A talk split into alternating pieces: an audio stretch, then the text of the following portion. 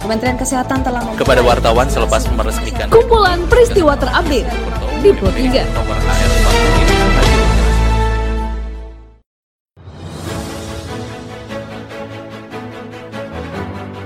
40 Halo pendengar, saat ini Anda sedang mendengarkan kumpulan peristiwa Pro 3. Pada podcast kali ini saya akan mengulas terkait isu-isu aktual yang saat ini masih hangat atau ramai diperbincangkan di sekitar kita. Tentu saja pendengar, nanti akan saya hadirkan cuplikan informasi dari reporter kami. Bersama saya Karisma Rizky, inilah kumpulan peristiwa Pro 3 di ruang dengan podcast Anda. Pendengar, sebelum saya masuk dalam beberapa isu aktual yang akan saya hadirkan sesaat lagi, saya akan mengundang Anda untuk mampir ke laman berita kami di rri.co.id. Anda juga bisa memfollow Instagram, Twitter, dan Facebook kami di @rriprograma3. Baiklah pendengar, inilah kumpulan peristiwa Pro 3. Pendengar berdasarkan hasil pemantauan harga terhadap 90 kota di Indonesia, Badan Pusat Statistik BPS mencatat terjadinya deflasi sebesar 0,16 persen di bulan Juni 2021. Menurut Kepala BPS Margo Yuwono, seperti dikutip reporter Pro 3 RRI Magdalena Krisnawati, deflasi bulan Juni lebih disebabkan oleh periode pasca Ramadan dan Idul Fitri, meski pandemi COVID-19 yang masih berlanjut, juga mempengaruhi tingkat konsumsi masyarakat. Berdasarkan pantauan BPS, setidaknya ada empat kelompok pengeluaran yang menyebabkan deflasi di bulan Juni 2021. Yang pertama terjadi pada kelompok makanan, minuman, dan tembakau deflasi sebesar 0,71 persen dengan andil 0,18.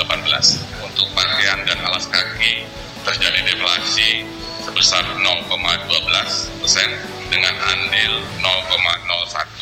Kemudian transportasi sebesar 0,35 persen dengan andil 0,04. Yang terakhir adalah pengeluaran untuk informasi, komunikasi, dan jasa keuangan sebesar 0,01 persen dan relatif tidak memberikan andil kepada deflasi bulan Juni 2021.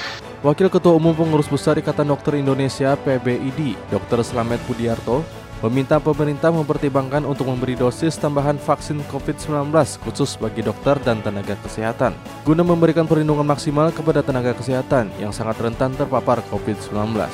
Dilaporkan dari Hairani, berikut penjelasan Dr. Slamet Budiarto. karena melihat fenomena yang kemarin yang sudah vaksin 1-2 itu mereka terkena sakit sedang sampai berat bahkan meninggal dunia. Nah, mungkin karena eh, jumlah virus COVID di rumah sakit itu jauh lebih tinggi daripada yang di luar sono sehingga mudah menular ke dokter atau tenaga kesehatan. Sehingga perlunya dilakukan suntikan booster sekali lagi untuk para tenaga kesehatan. Karena kalau jumlah bednya cukup tapi kalau tenaga kesehatannya sakit kan nggak ada yang merawat.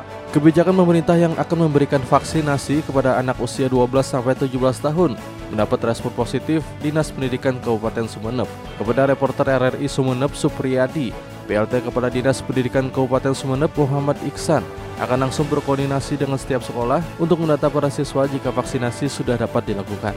kalau nanti sudah ada surat edaran bahwasanya vaksin juga diikuti oleh siswa yang berusia 12 sampai mungkin 17 tahun, kita akan siap untuk sampaikan kepada seluruh sekolah agar siswa di sekolah tersebut untuk dilakukan vaksin Sejumlah daerah di tanah air sedang mempersiapkan skema PPKM darurat yang telah diberlakukan pemerintah.